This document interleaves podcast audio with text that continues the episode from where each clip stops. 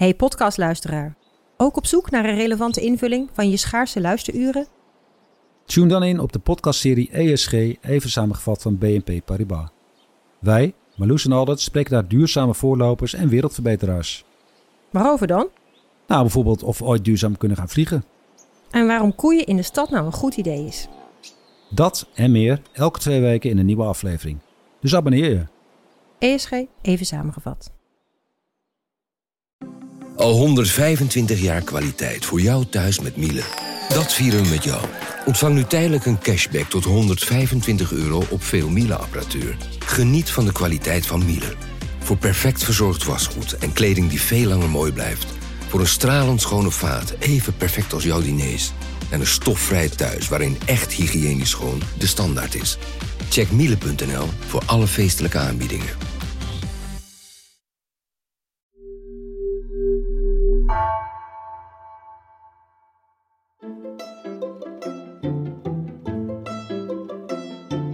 Welkom.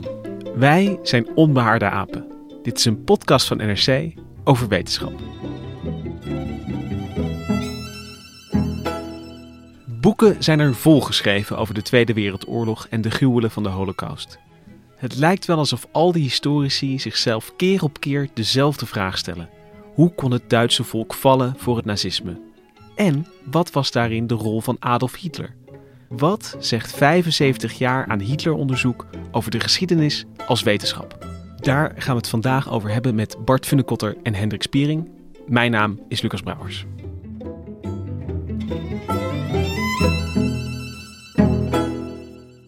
Bart, niet zo lang geleden op de redactie hadden wij het over, ja, ik noem het maar even de Hitler-literatuur.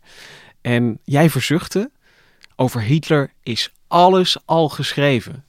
En toen spitste ik mijn oren, want dat klonk alsof ja, de geschiedenis uh, klaar is misschien wel. Hoeveel boeken over Hitler heb jij gelezen?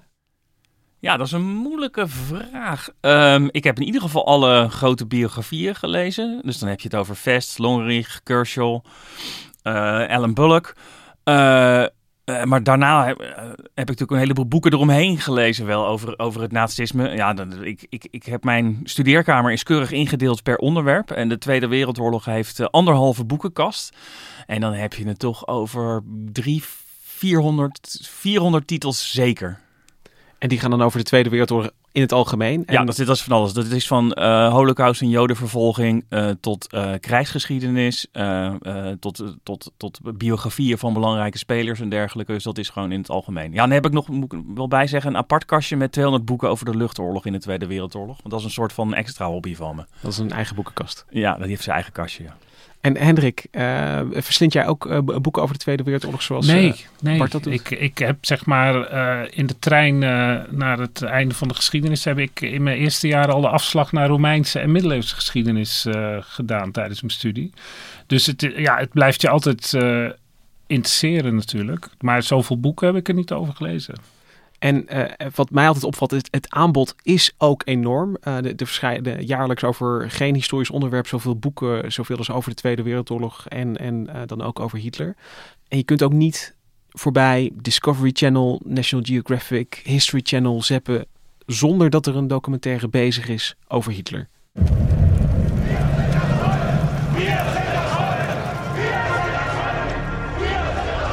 Our understanding of Hitler is central to our self understanding. And if anyone can advance the understanding of Hitler, then that is well worth undertaking. Well, good luck. We've seen Hitler's dogs, his women, his cars, his food, his generals, his secretaries, his secret weapons, and his drug habit. Never before seen footage in glorious color.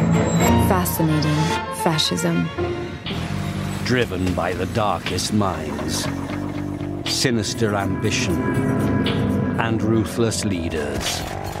Unprecedented technologies were developed. They had one aim to turn the world upside down. See the scars they left behind Nazi megastructures on National Geographic Channel. Jij hebt hier ook langs. Kun jij dan nog geïnteresseerd blijven kijken en hoor jij dan nog iets nieuws? Nou, eh, toen we dus in, op de redactie hadden van... zullen we hier niet een keer iets over doen? Zullen we eens een podcast maken? Mijn eerste reactie was van... oh nee, ik, ik, kan, ik, heb echt geen zin om een podcast over Hitler en het Derde Rijk... en het nazisme te maken. Want daar is echt alles wel over gezegd. Als je dat op een verhalende, biografische uh, wijze doet. Uh, bedoel, alles van het drugsgebruik van Hitler... Het feit dat hij vegetariër was... had hij één of twee teelballen... de relatie met Eva Braun, zijn antisemitisme, alles is er, valt bijna niets nieuws meer over te zeggen. En daardoor, daarom had ik toen we spraken over, goh, wat zullen we eens nog voor afleveringen van Onbehaarde Apen maken, niet zo heel veel zin om daar een podcast over te maken. Maar al pratende kwamen we dus op de, wat, wat ik zou noemen dan de Hitlerkunde, de historiografie. Hoe is er geschreven? over Hitler en het Derde Rijk.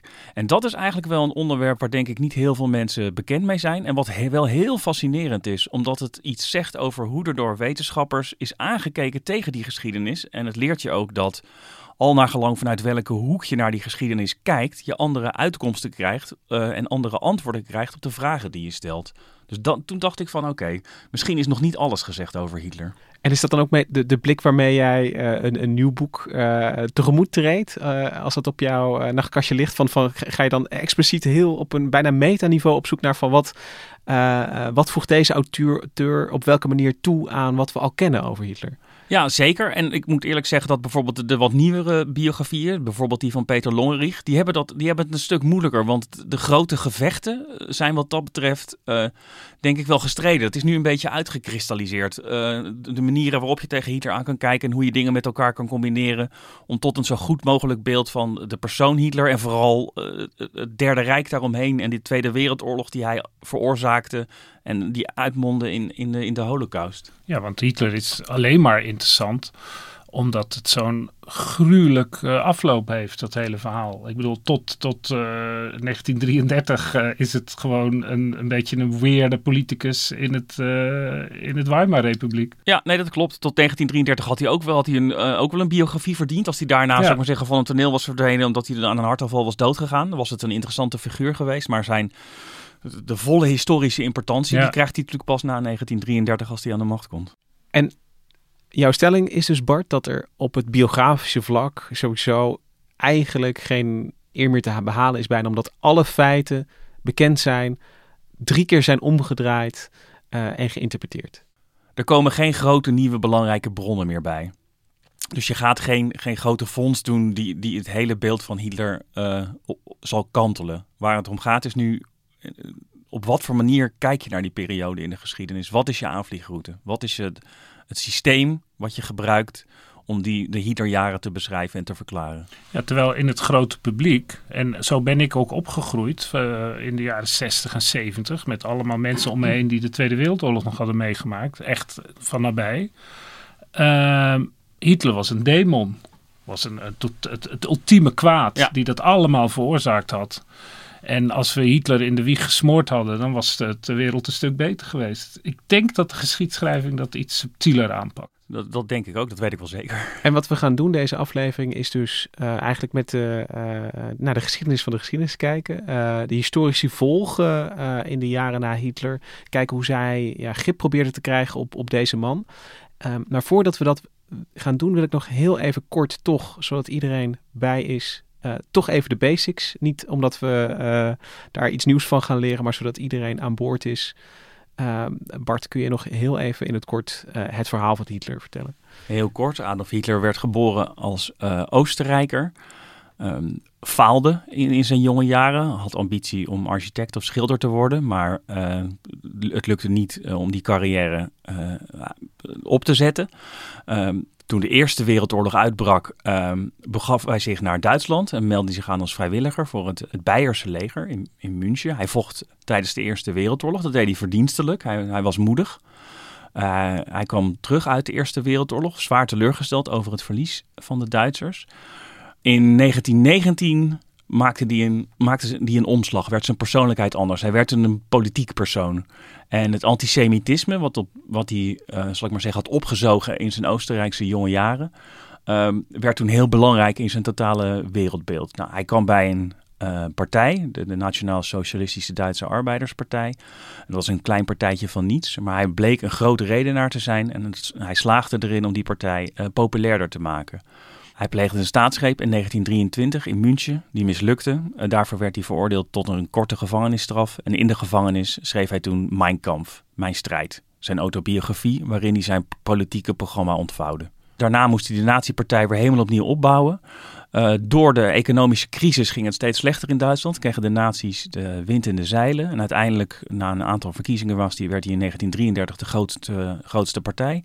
Hij schakelde de rest van het parlement eh, uit, zodat hij eh, bij volmacht alleen kon regeren zonder parlementaire controle. Werd niet lang daarna niet alleen kanselier, maar ook president van Duitsland. En daarmee was hij alleenheerser. Eh, en vanaf 1939 stortte hij de wereld in, in oorlog. Een oorlog die uiteindelijk tientallen miljoenen doden heeft gekost. En waarvan de beruchtste eh, episode waarschijnlijk de, de, de moord op de 6 miljoen Joden is. Die de geschiedenis ingaat als de Holocaust. En Hitler komt aan zijn einde door zelfmoord. Zelfmoord. Als, als het eigenlijk geen toekomst meer is voor, eh, voor het Derde Rijk, dat de, de oorlog eh, gaat verloren worden. Ja, nou dat is een, een- geen toekomst, is een eufemisme inderdaad. De Russen staan al op de stoep van de Hitlerbunker in, eh, in Berlijn en hij pleegt, hij pleegt zelfmoord inderdaad. En ehm, nou ja, dan pakken wij het hier nu op. Ja. Want gedurende zijn leven hebben journalisten natuurlijk over Hitler geschreven. Maar ja, eigenlijk na die Tweede Wereldoorlog, eh, als die eh, eh, ja, beklonken is, dan kan de geschiedschrijving beginnen. Klopt. En, dan ben ik benieuwd, wat, wat gebeurt er dan? Nou, die begint vrijwel meteen. En je hebt natuurlijk een, een, een Duitse geschiedschrijving en een internationale geschiedschrijving. En die zullen we in deze aflevering een beetje door elkaar heen eh, behandelen. Eh, de eerste internationaal historicus van formaat die iets zegt over Hitler is de Engelse historicus A.J.P. Taylor. Echt een, echt een grote naam. Er zullen meer namen langskomen in deze aflevering. Ik zal het proberen te matigen, maar aan sommige namen eh, ontkom je niet. A.J.P. Taylor schreef al in 1945 een boek over de geschiedenis van Duitsland, waarin hij eh, Hitler plaatste in een soort van continuum. dat wat langer was dan alleen het, alleen het Derde Rijk. Eh, A.J.P. Taylor vond Hitler een normale Duitse leider, zo je wil. En hij, die paste in een lange rij van Duitse agressievelingen, waar toen ook Bismarck, de eh, kanselier die het Duitse, eh, die de Duitse keizerrijk verenigde in 1871. En Wilhelm II, de Duitse keizer, in die rij hoorde, die, hoorde Hitler ook.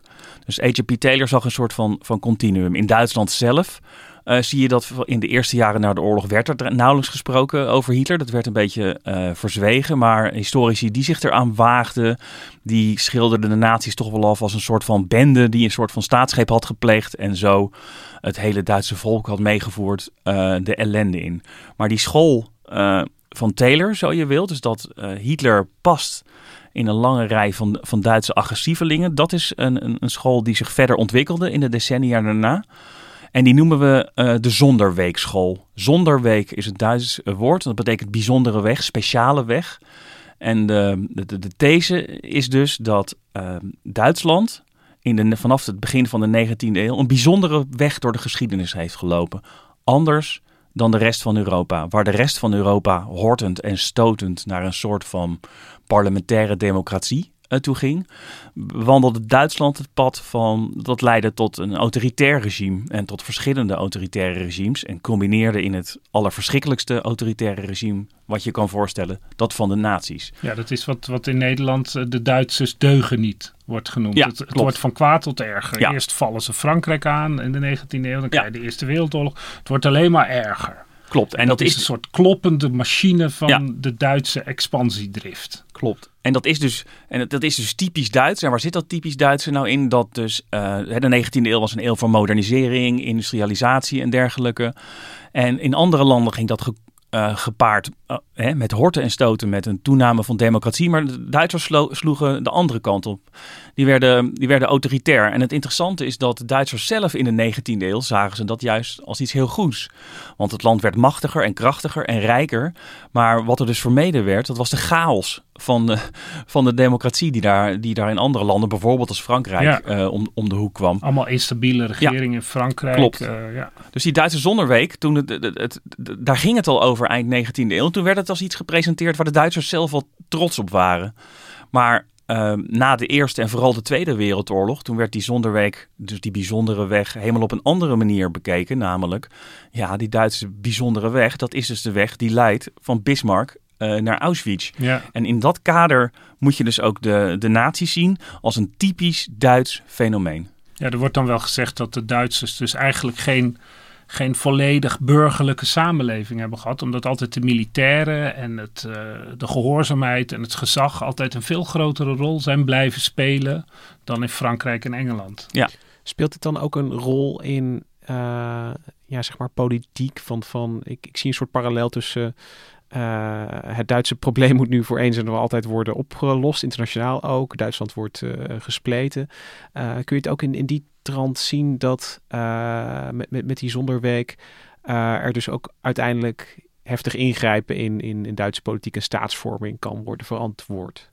Ja, ik denk dat je dat wel kan zeggen. Want er waren natuurlijk mensen die eh, van plan waren om na de Tweede Wereldoorlog van Duitsland een agrarische Ja. samenleving te maken. Het Morgenthau-plan eh, heet dat. Amerikaans plan. Ja. Ja, en eh, dus de, van de Duitsers konden, die moesten een lesje worden geleerd. Want kennelijk, kennelijk zat het zo in die volksaard opge, opgesloten. Dat, dat, dat gemarcheer en dat geverover en dat gemoord. Ja, en het was natuurlijk ook onvoorstelbaar hoe lang die Duitsers bleven doorvechten. Terwijl ze al verloren hadden eigenlijk. Ja. Vanaf ja, 44, begin 45 duurt het nog bijna een half Ja. jaar voordat ze zich overgeven. Daar speelden natuurlijk hele andere dingen mee dan eh, het feit dat ze nu eenmaal Duitsers waren die graag oorlog, oorlog voerden. Er waren er hele ingewikkelde maatschappelijke en so- sociologische processen lagen eraan ten grondslag. Maar inderdaad, het idee dat Duitsers eh, ja, gewoon van zichzelf nu eenmaal eh, autoritair eh angehaucht waren, zou ik bijna zeggen. Dat is dus die theorie, hè? Het is niet Ja, dat wij dat- dat denken. nee, nee, maar dat is eh, de theorie. En maar dat is een theorie die belangrijke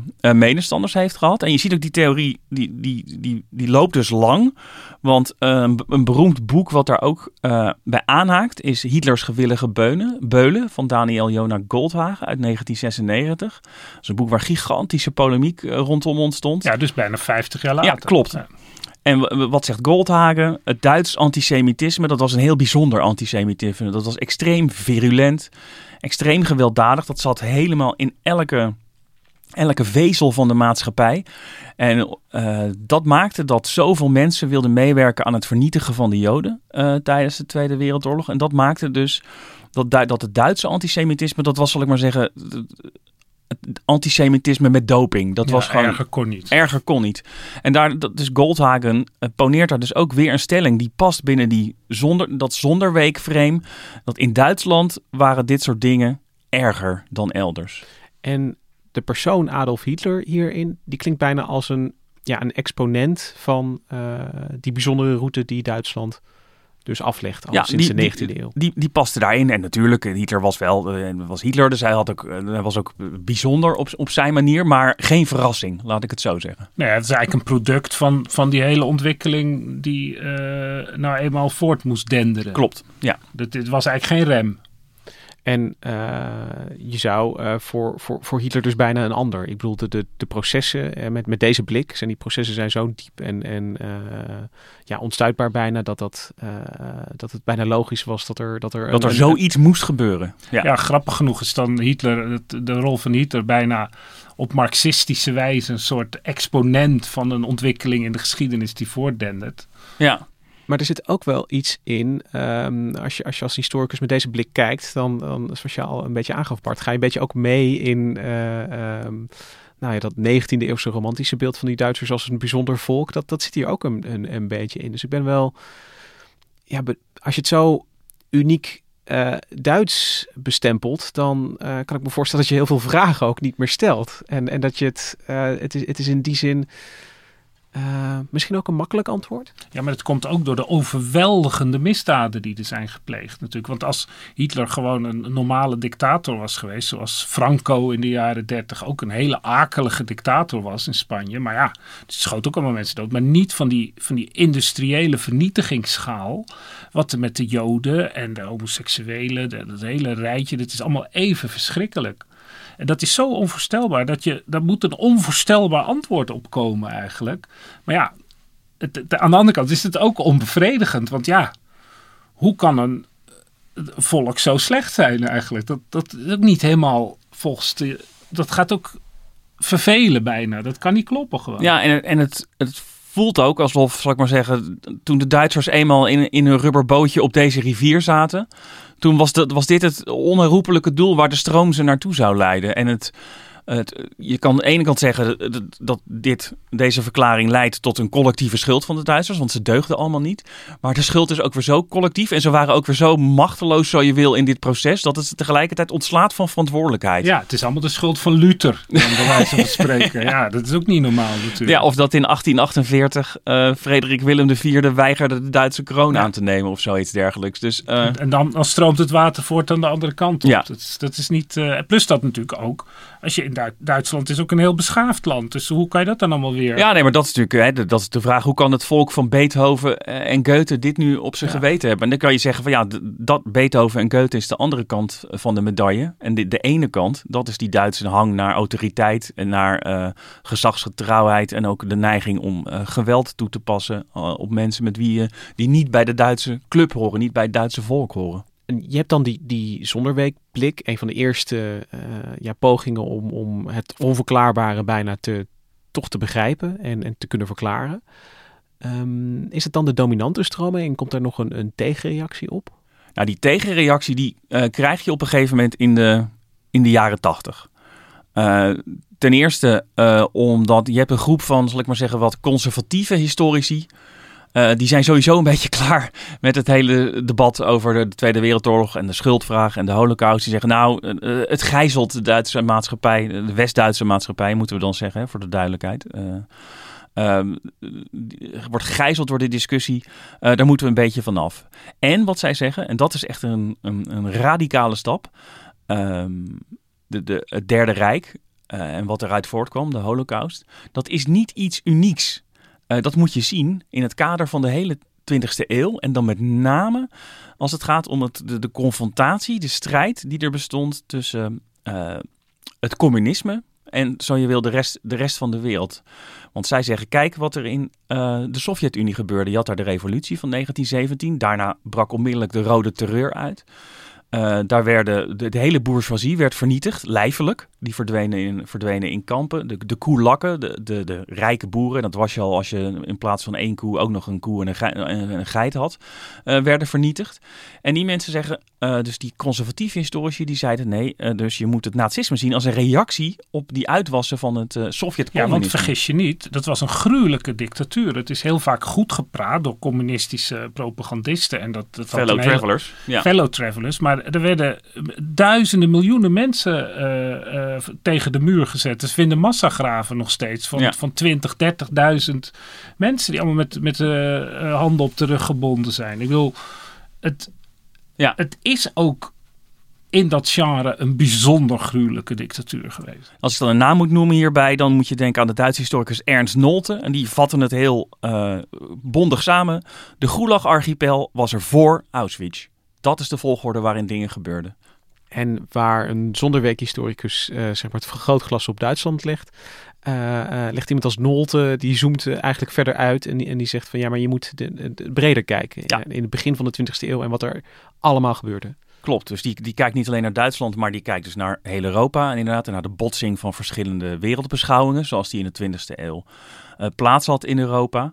En die komt dan tot die vergelijking en die zegt dus: alles wat de nazi's deden, hadden de Sovjets al gedaan. Het enige wat nieuw was, was de techniek van het vermoorden, die vergassing. Dus wat de nazi's deden, was, zal ik maar zeggen, een, was een laatste technologische stap. Maar het uitsluiten van mensen, het opsluiten van mensen, het vermoorden van mensen, dat hadden de Sovjets allemaal al gedaan. En het, het enige wat de nazi's deden, was er een soort van zeggen, nog een extra technologische draai aan geven, die het allemaal nog uh, gruwelijker en onmenselijker maakte, uh, zo je wil. Dan kreeg hij... Duits zouden dan de ja, mensen zeggen. Ja. Dan krijgt Nolte en de, en de zijne, dan moet je ook denken, de zijne, iemand als Joachim Vest, de, de Hitler-biograaf en uh, hoofdredacteur van de, uh, de, het feuilleton van de Frankfurter Allgemeine Zeitung, waarin veel van dit debat uh, werd gevoerd. En dit debat dat is de geschiedenis ingaan als de historikerstrijd. Want het geluid van Nolte en Vest, dat bleef natuurlijk niet onweersproken, want er zaten natuurlijk mensen aan de andere kant die zeiden, ho ho, nu zijn jullie Duitsland helemaal aan het vrijpleiten van schuld. En ik denk de bekendste naam die in die kringen, uh, uh, hoe heet het, van zich liet horen was Jurgen Habermas, uh, de filosoof. En die zei, jullie zijn nou de, de, Duitse schuld helemaal aan het wegpraten. Zegt, en zeggen, ja, dit was alleen maar een reactie op wat Stalin allemaal voor gemeens deed. Want ja, maar dat hadden we net bij die, bij die zonderweek eigenlijk ook. Dat, uh, daarmee het ook eigenlijk vrijgepleit. Want het is allemaal al in 1848 begonnen. Is het, het voorbestemd, uh, inderdaad. Is maar, maar er, zit, er zit nog iets ongemakkelijkers uh, in, in, Namelijk dat het ook... Um, het, het, waren de nazi's zelf die waarschuwden voor de opkomst van het communisme. En Zeker. In, in, in zekere zin komt dat frame nu uh, weer een beetje terug in deze blik op de geschiedenis. Ja, het is bijna nazistische propaganda. We moesten wel, omdat zij waren begonnen. Maar dus kan, ik, kan ik me voorstellen dat dat een verwijt zou kunnen het, zijn. Het was natuurlijk niet onwaar dat uh, communisten in 1919 in Duitsland hebben geprobeerd met opstanden en sta, een soort van staatsgreep te plegen. Er was natuurlijk een heel spannende tijd vlak na de Eerste Wereldoorlog, waarin veel van die natieleiders gevormd werden in hun denken waarin inderdaad spra sprake was van een strijd met het communisme. Ja, want die hele Weimar-republiek, wat is het, van 1919 tot 1933. Ik, in het begin ging het nog wel, maar op een gegeven moment heb je allemaal van die knokploegen van communisten die dan met uh, ja, nazi's... Met, de, de bruine gaan knokken. Ja. en, en de Weimar-republiek is dan de democratische tussenfase ja. tussen, zeg maar, na de Eerste Wereldoorlog. Wereldoorlog en het, en het begin van het Derde Rijk in 1933. Dus, maar, dus het feit dat de, de nazi's zeiden dat ze zich uh, verzetten tegen de communisten, dat maakt het nog niet, uh, zou ik maar zeggen, onwaar. Want dat deden ze, dat deden ze ook echt. En het is natuurlijk ook zo dat uh, Sovjet-Rusland als een, een, enorme schaduw over, over Europa hing. Maar hoe stellen die, die, die, die, die, die lui zich dat dan voor, die historici die dat voorstellen? Dat dat dan in Duitsland zeggen: Oh, wacht even, de, de Russen die uh, vermoorden ook op grote schaal. Dan kunnen wij het ook wel gaan doen. Nou, het is meer van, zo gaat dat toch niet? Nee, maar het is meer. En ik zeg niet dat ik dit vind, maar ik probeer meer hun mening uh, samen te vatten en te verkondigen, inderdaad. En wat zij zeggen is: uh, er is een strijd aan de gang. Er is een strijd op leven en dood tussen verschillende wereldbeschouwingen. En kennelijk zijn dit de wapens die je moet gebruiken als je die strijd wilt uh, gaan winnen. Dus uh, het is een soort van, uh, we kunnen niet anders, want de communisten doen het, doen het ook. En daar speelt dan ook een rol bij dat zeg maar, de, de definitieve stappen naar die massavernietiging zijn tijdens de oorlog genomen, niet daarvoor. Nee, klopt inderdaad. Er is een, vindt een enorme radicalisering plaats als de Tweede Wereldoorlog eenmaal begonnen is. En, en wat ik me afvraag um, over, over de geschiedenis als, als, als vak. Um, verschillen de, de, de, mensen van de Zonderweek en uh, de mensen als Nolte nou heel erg in hun methode? Hebben ze andere ja, technieken waardoor ze tot andere inzicht komen? Of zit het verschil meer in de feiten die ze, die ze uitlegden? Herordenen ze gewoon het, het narratief? Of kijken ze op, echt op een andere manier naar de geschiedenis? Ik denk dat ze naar andere dingen kijken. Uh, als, je, als je de Zonderweek uh, theorie aanhangt, dan ga je staan in 1813 en dan kijk je zo naar 1945.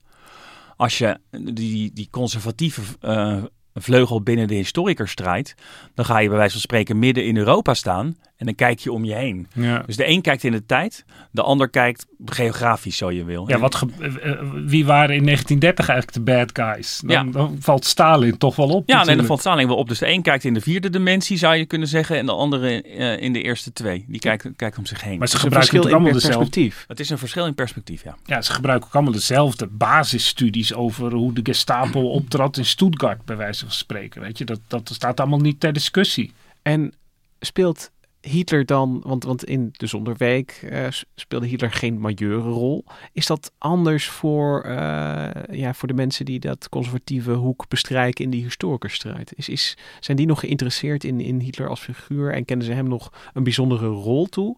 Of ja, is Hitler dan nou eenmaal de verpersonificatie van die tegenreactie op het communisme? Ja, dat, dat laatste.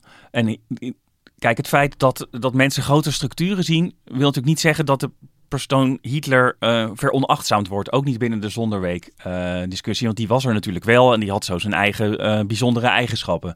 Dus die was er wel.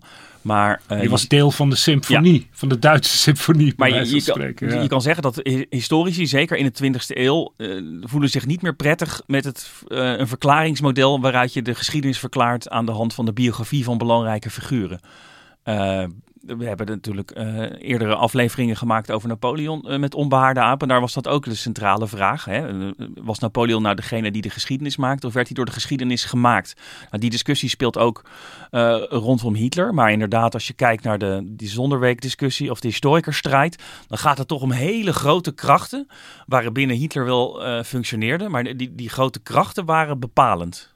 Ja, wat dat betreft misschien wel goed om even te zeggen dat dit ook allemaal vooruitgang van de geschiedschrijving was. Omdat in de 19e eeuw was nog heel, niet, niet bij iedere historicus, maar heel sterk het gevoel van grote mannen maken de geschiedenis. Napoleon, Caesar, die hebben de boel vooruitgebracht. Waardoor is de middeleeuwen in puin gegaan door de investituurstrijd, door de, door de ruzie tussen de keizer en de paus. Uh, Hendrik IV en Gregorius de zoveelste. Die mensen die zijn heel belangrijk. En nu gaat het heel erg over structuren. Dus dat is op zich ja, vind ik vooruitgang eigenlijk. Ja.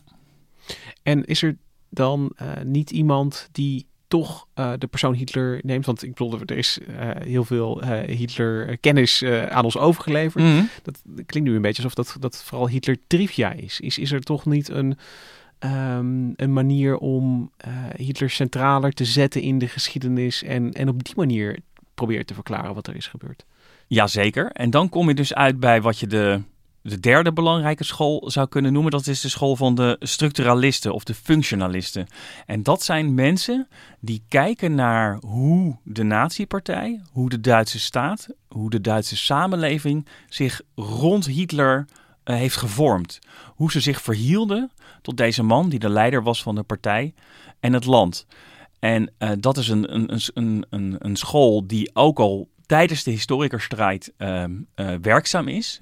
Die, ze, ze, functioneren rondom het uh, Instituut voor Zeitgeschichte in, in München. En daar gaat men met sociologisch gereedschap de vraag te lijf: hoe moeten we de Derde Rijk nou verklaren? En hoe moeten we verklaren dat het zo gigantisch uit de hand is gelopen en dat het eindigde in de moord op 6 miljoen Joden. En zij gaan dus op zoek naar structuren. Hoe werken mensen? Hoe werkte de, hoe werkte de staat? Hoe werkten diensten? En daar komt dus uit naar voren dat misschien als je van afstand naar het Derde Rijk kijkt, dan denk je het is een heel strak geleide autoritaire toestand. Maar het Derde Rijk was in feite één grote chaos. Uh, bureaucratisch, uh, politiek, militair. Iedereen deed maar wat, werkte langs elkaar heen. Dus de, structuren waren heel amorf. En het probleem, zo je wil, uh, was dat Hitler ook niet echt duidelijk leiding gaf. Hij liet een beetje blijken wat hij wil en hij zei dingen. En dan ging iedereen dat op zijn eigen manier interpreteren en daarmee aan de slag. En dat is dus eigenlijk een beschrijving van wat er feitelijk gebeurde in het hart van het Derde Rijk. Eigenlijk. Klopt. Je hebt dus, uh, een goed voorbeeld is, uh, je hebt wel drie of vier geheime diensten die elkaar allemaal, je hebt de Gestapo, de SD en dan heb je nog wel een paar. Ja, de Abweer. En die werken elkaar allemaal tegen eigenlijk. Ja. En de SS die doet ook weer zijn eigen ding natuurlijk. Ja, dus de, en Hitler vond dat ook wel prettig.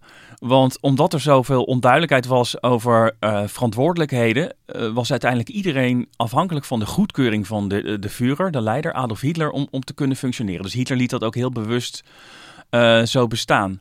Maar wat krijg je? Wat ontdekten nou die, die functionalisten? Waarvan Martin Brozat, denk ik degene die die school, het eerder Duitse historicus Martin Brozat, de school echt op de kaart heeft gezet. Wat ontdekten die eh, structuralisten nou? Of wat, wat, wat zagen ze? Omdat het zo'n chaotische, fluïde situatie was, ging iedereen doen wat ze dachten dat Hitler wilde. En iedereen dacht dat Hitler uh, het meest uh, uh, tevreden zou zijn met een zo radicaal mogelijke oplossing van een probleem. Dus er was iets en daar moest, daar moest iets aan gebeuren. En degene die dan uiteindelijk koos voor de meest radicale oplossing, en uiteindelijk was natuurlijk de meest radicale oplossing, we vergassen alle Joden. Um, die dacht dat hij daarmee de goedkeuring van Hitler uh, zou kunnen scoren. En zo kreeg je dat mensen binnen die verschillende machtsstructuren tegen elkaar gingen opbieden om zo met zo radicaal mogelijke oplossingen voor uh, problemen te komen die Hitler zag. Maar dat betekent dus dat je dus een, een, een, een over zich heen buitelende radicalisering hebt, zonder dat daar in zekere zin een centraal bevel voor is gegeven. Ja, dat klopt. Uh, het bekende punt is natuurlijk, heeft Hitler ooit een bevel gegeven tot de holocaust? Nou, dat is in ieder geval schriftelijk niet overgeleverd. Er is wel een, een bevel bekend uh, van Hitler als het gaat om het, uh, het, doden van mensen met een geestelijke of lichamelijke handicap, om Duitsers zelf. in de jaren 30. Maar voor de rest zie je, zou ik maar zeggen, zijn er in de archieven geen uh, vingerafdrukken van, van Hitler zelf te vinden. Maar je ziet dus inderdaad dat, door die, uh, door die, uh, dat dus deze, op deze manier die radicalisering uh, vorm krijgt. En Hitler vindt het ook wel, die vindt het ook wel, wel best natuurlijk. Hij houdt het ook niet nee, tegen. hij zegt niet van ho ho, dit was nou ook ja. weer niet de bedoeling. Want het was natuurlijk wel de bedoeling. Maar hij was ook, zal ik maar zeggen, te lui om, om, om zijn, zijn verbale haatoprispingen ook daadwerkelijk uh, uit te werken tot een systeem van, nou oké, dan moeten dus treinen geregeld worden en, uh, en, en dan moeten er kampen worden gebouwd waarin dit allemaal gebeurt. Dat, dat was allemaal niets voor hem. Dus hij, hem, hij zaaide haat en hij brulde om zich heen en vervolgens ging iedereen daarmee, daarmee aan de slag. En uh, ik denk dat hier in het, in het Westen het bekendste boek is waarin deze these wordt uitgewerkt. Dat is de Hitler-biografie van, uh, van Ian Kershaw. Die twee hele uh, dikke delen. En Kershaw noemt dat dat die hele maatschappij er zo op is ingericht dat iedereen is working towards the Führer in the way he would have wanted. Dus iedereen komt Hitler tegemoet op de manier waarvan zij vermoeden dat hij dat zo zou willen. En dat is het, de centrale these van die, van die Kershaw-biografie. En daarmee verklaart hij dus uh, de radicalisering in het Derde Rijk. Maar dan krijg je dus een soort Hitler als een soort halfgod op afstand. Ja. En allemaal ijverige gelovigen die dan maar hopen uh, te doen wat, uh, wat de grote heer, uh, dat ze dan zijn zegening krijgen. Ja, en dat, en, en dat ze dus hun positie behouden. Want voordat je het weet, stond je op de keien anders natuurlijk ook. er was weinig baanzekerheid in het Derde Rijk wat dat betreft. Dus zonder, maar dat is dan ontstaan omdat Hitler in 33 de macht greep eigenlijk. Ja, want, en, en vervolgens het hele staatsapparaat in handen kreeg. En alle ambtenaren die niet wilden luisteren, die, die vertrokken of die werden eruit gegooid. En dus toen werd het staatsapparaat werd een verlenging van zijn partij en van zijn ideologie. En, en zo ging dus de hele Duitse samenleving die kant op. En toen pas, het is dus niet de zondeweek, want dan kan je zeggen, ja, moet je kijken hoe ijverig mm -hmm. die Duitsers zijn in dat plegen van al die misdaden. Ja. Maar want uh, het, het, het, het keizerrijk of zo, of de Weimar-republiek of, of, of, verder terug, was heel anders georganiseerd. Ja. Het is een totaal nieuwe situatie in Duitsland. Ja, het is, en het is deze situatie, is voor duidelijkheid, is wel heel erg van de persoon en de persoonlijkheid van Hitler afhankelijk. Hij was een rabiate uh, antisemiet. Uh, daar waren er wel meer van. Maar hij was een rabiate antisemiet uh, met heel gewelddadige fantasieën, zou je wil. Maar hij was er ook eentje die dus te beroerd was om goed leiding te geven. En daardoor kreeg je dus die, die, die radicalisering binnen de, het staatsapparaat en binnen de partij die uiteindelijk tot de holocaust leidde. Dat zeggen dan dus de, de, de, de school van de, de functionalisten. En maar, het klinkt alsof deze uh, historici wel een, een uh, nieuwe kijk uh, nemen. Want, want wat je aan het begin beschrijft, dan moet je gaan kijken hoe functioneren die organisaties en functioneert dat überhaupt? En um, ja, bijna als een soort organisatiepsycholoog uh, ja, uh, ja. terug te kijken naar uh, wat, wat gebeurde er nou gewoon ja, tussen die bestuurders, dus in al die onderlagen ja. onder de top. Dus er zit wel iets retorisch in, want die Zonderweek die kijkt zeg maar naar 200 jaar Duitse geschiedenis.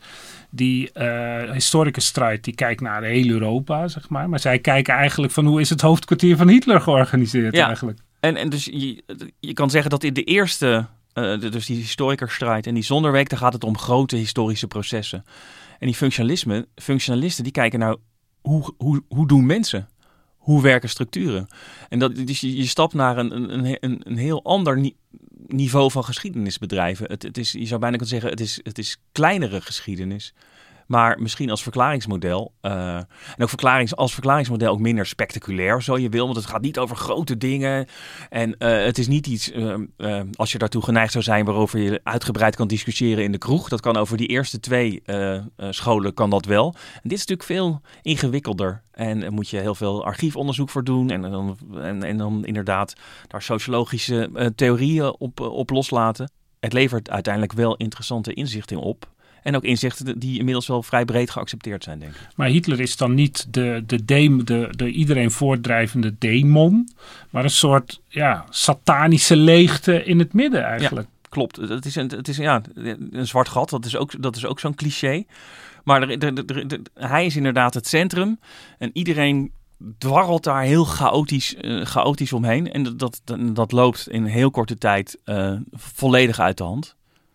En hiermee is uh, uh, Hitler dus weer meer gewoon op de voorgrond, gewoon als een, als een eh, ik bedoel, zijn karakter maakt hier eh, in wezen dus, dus wel uit voor Ja. dat gruwelijke verloop Ja. uiteindelijk. Want het is zijn hele heftige, gewelddadige eh, antisemitisme. Zijn wraakzuchtigheid, ook over dat Duitsland de eh, Eerste Wereldoorlog heeft verloren. Maar dus, er waren meer mensen die dat hadden. Maar, wat, maar de, de combinatie met zijn karakter en de manier waarop de nazi-partij en later de nazi-staat eh, functioneerde, dat maakt het wel, dat maakt dit uniek inderdaad. En je kan zeggen, misschien als er een eh, andere dictator aan de macht was gekomen, dan was er ook een Tweede Wereldoorlog eh, uitgebroken. Maar niet op deze manier. Maar dan begint het bijna een soort historisch ongeluk te worden. Ja, maar ja, dat, dat, ik denk dat je dat ook wel kan stellen dat het, het langskomen van Adolf Hitler is ook een, is ook een historisch ongeluk, eh, inderdaad. En want het, het is een, eh, een bekende eh foefje in tijdreisverhalen. Er gaat altijd, is altijd de vraag van, eh, wat, als je je tijdreismachine hebt, wat is het eerste wat je er zou doen? En dan komt altijd de optie om eh, baby Hitler toch te smoren in zijn wiegje voorbij. En dat, dat klinkt voor een, een functionalist, is dat, is dat een redelijke optie, klinkt het, als je de, de, de holocaust wil voorkomen. Ja, en ik denk ook, eerlijk gezegd, dat het ook een redelijke optie is. Want eh ervan uitgaan dat de Eerste Wereldoorlog was gebeurd en dat Duitsland die verloren had en dat ze het verdrag van Versailles opgelegd hadden gekregen, waarin zij de complete schuld van de oorlog kregen en gigantisch veel herstelbetalingen moesten doen. Als dat allemaal was gebeurd, eh, dan was er ook iemand opgestaan die voor, voor revanche had gepleit en die die vernedering had willen goedmaken. Dus na de Eerste Wereldoorlog was een Tweede Wereldoorlog onvermijdelijk. De richting die het uiteindelijk opging, namelijk dat het niet alleen een revancheoorlog was voor de Eerste Wereldoorlog, maar dat het combineerde met, met de Holocaust. Ik denk zeker dat de persoon van Hitler en zijn persoonlijkheid daar een belangrijke rol in hebben gespeeld. En als je, eh, daar ben ik wel benieuwd naar. Als je nou deze historici hebben allemaal hun, hun, hun werk aan Mhm. ons eh, gegeven, eh, Ja. hebben allemaal hun licht ge- geschenen. Ehm, als je ziet dat interpretaties zo kunnen verschillen, Mhm. eh, dat eh, met dezelfde feiten eh, in wezen, maar andere perspectieven er andere uitkomsten komen. Wat zegt dat ons over de geschiedenis als wetenschap? Dat het geen wiskunde is. En dat de wetenschappelijkheid van de geschiedenis zit in de methode waarmee je werkt. En dus dat je een wetenschappelijke methode hebt, dat je bronnen gebruikt, z- zegt wat je daarmee doet, hoe je die interpreteert. En dan, ja, dan, dan, en dan gaat het los, dan En begint dat de je discussie. open staat voor kritiek vervolgens. Ja. En dat je dus die, die want eh, jij vat het nu allemaal heel snel samen in eh, echt een paar kwartier. Maar dat zijn dus enorme congressen geweest waarin alles uitgebeten werd. En al die mensen die dan, eh, de ene theorie moesten zich dan verdedigen tegen andere. En ook echt boos, hè? Er waren wel echt rode hoofden, zal ik maar zeggen. Maar, en dat was natuurlijk een hoop emotie, maar toch altijd weer terug van ja, eh, maar hoe verklaar je dan eh, wat er in, eh, in München is gebeurd Ja. dan en dan? Dat past toch niet in jouw theorie? Nou moet je dat weer oplossen. En dat is dus niet van een exactheid van een laboratorium waarin je dan de hoeveelheid bacteriën die eh, gekweekt worden kunt tellen. Het is, het is veel meer op een, op een eh, ja, dat je gewoon heel goed moet nadenken over wat betekent het. Wat, ik zeg, je, wat betekent het eigenlijk om een totalitair regime te, te hebben? Je, je verzint daar een theorie over. En dan zegt iemand, ja, maar wat bedoel je nou eigenlijk met totalitair? Is dit dan totalitair? Is dat dan totalitair? En daardoor wordt het soms ongelooflijk ingewikkeld. Ik zag in de voorbereiding hier hele discussie over ja, hoeveel verzet was er eigenlijk tegen Hitler in Duitsland. En dan krijg je een enorme discussie over wat is verzet eigenlijk? Eh, is dat je gewapende hand? Of als je zeg maar een beetje moppert, is dat dan ook al verzet? Eh, dat zijn allerlei theorieën over. Dan kan je dan wegvoeren als gedetailleerd. Maar het zijn allemaal bouwstenen om een antwoord te geven op een vraag die vrijwel iedereen bezighoudt. Hoe is het mogelijk? Hoe, het is een van de kernkwesties van, van de geschiedschrijving. Hoe is het mogelijk dat in Duitsland zulke misdaden zijn begaan? En dat er ook, laten we het niet vergeten, in de landen daaromheen heel veel mensen aan meegeholpen hebben ook. Ja. En als je een- de, de, de geschiedenis een, een rapportcijfer zou moeten geven, misschien een beetje een platte vraag, wordt, maar, maar zijn, zijn ze, hebben we waardevolle inzichten gekregen uiteindelijk? Ik denk het wel. Ik moet zeggen dat ik als alfa, als historicus, altijd met een beetje minderwaardigheidsgevoel over de wetenschapsredactie loop. Ten opzichte van mijn collega's die zich bezighouden met uh, hè, wat dan echte harde wetenschap is. Maar ik denk toch dat de geschiedenis zich ontwikkeld heeft in de afgelopen decennia. Dat het instrumentarium is, is, is uitgebreid. Dat uh, de, de, methoden uh, beter en inzichtelijker zijn geworden. Dus ik vind dat de geschiedenis best een goed figuur slaat. Als het gaat om het verklaren van, van, van Hitler, Nazi-Duitsland, de Holocaust. Dus een cijfer 8 plus. Ja, een dikke 8 zou ik ook geven, ja. Ga jij ooit nog verrast worden door een Hitler-biografie, Bart? Nee, ik betwijfel ook of ik de volgende Hitler-biografie, als die uitkomt, of ik die, uh, of ik die ga kopen überhaupt. Uh, uh, ik, ik, ik, ik ben er wel een beetje klaar mee. Je, jouw boekenkast is af. Wat, wat dat betreft, ik denk niet dat het Hitler-plankje nog veel zal groeien, nee. Oké. Okay. Bedankt Hendrik en Bart dat jullie hier kwamen vertellen over de geschiedenis, over Hitler. Bedankt ook Else van Driel voor de productie van deze aflevering. De muziek die je hoort, die is gespeeld door het Dudok Quartet. Wij zijn er volgende week weer.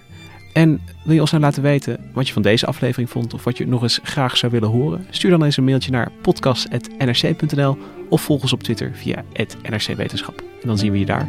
Tot volgende week.